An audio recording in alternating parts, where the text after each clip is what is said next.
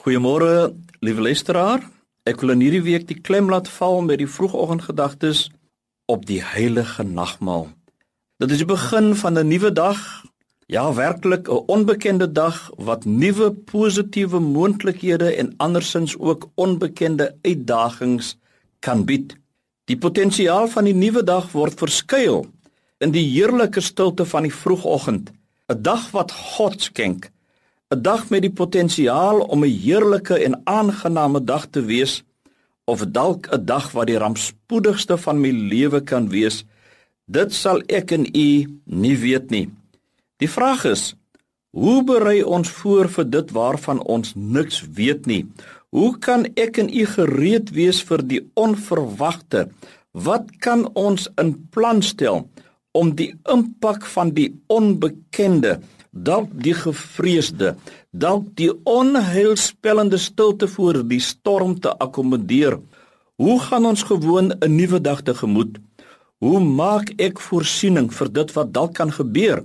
Wat my lewe so sal impakteer sodat dit nooit weer dieselfde kan wees nie. In die positiewe sin en ook in die negatiewe sin van die woord. Sommige van ons is die produkte van ons eie gedagtes. Ons kloof so dikwels hare met ander woorde. Ons dink so diep dat ons gevange gehou word deur die vlug van ons eie verbeelding. Allerhande bygelowe. Ek mag nie hierdie kleur saam met daardie kleur meng nie. My gelukbringertjie moet om my nek pronk. Daar moet iets wees wat my aanspoor om my dag te gemoed te gaan met vrede en vreugde. Dat ek voorsiening gemaak het vir die onbekende. Dalk 'n ornament of voorwerp wat ek in my motor vertoon maar daarsonder gaan ek nie uit die huis nie. Vir sommige kan die selfoon daardie rol speel. Ons draai om as ons dit vergeet het. Want sê nou maar ek verkeer in die nood, hoe gaan ek om hulp vra? Hoe sal ek hulp ontbied wanneer daar werklik nood op my pad kom? En daar is niks verkeerd daarmee nie, omdat dit nie meer 'n luksheid is om 'n selfoon byderhand te hê nie. Dit het al 'n verpligte noodsaaklikheid geword. Daar is van ons wat in diepe ootmoed die aangesig van die Here soek in die vroegoggendure en op ons knieë voor God pleit vir sy beskermende hand oor ons en ons geliefdes gedurende elke onbekende dag.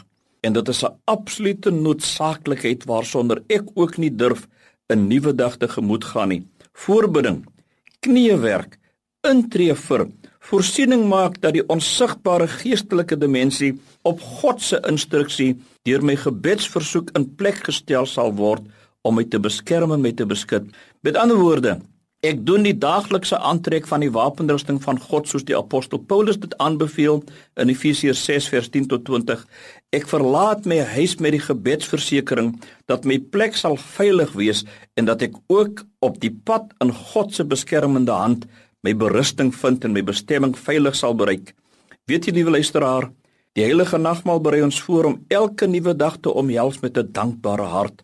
Ons roep in gedagte hierdie oggend en elke nuwe oggend van ons lewe hoe dat Jesus Christus soos 'n koringkorrel op die grond moes val en eers moes doodgaan om te ontkiem en te lewe.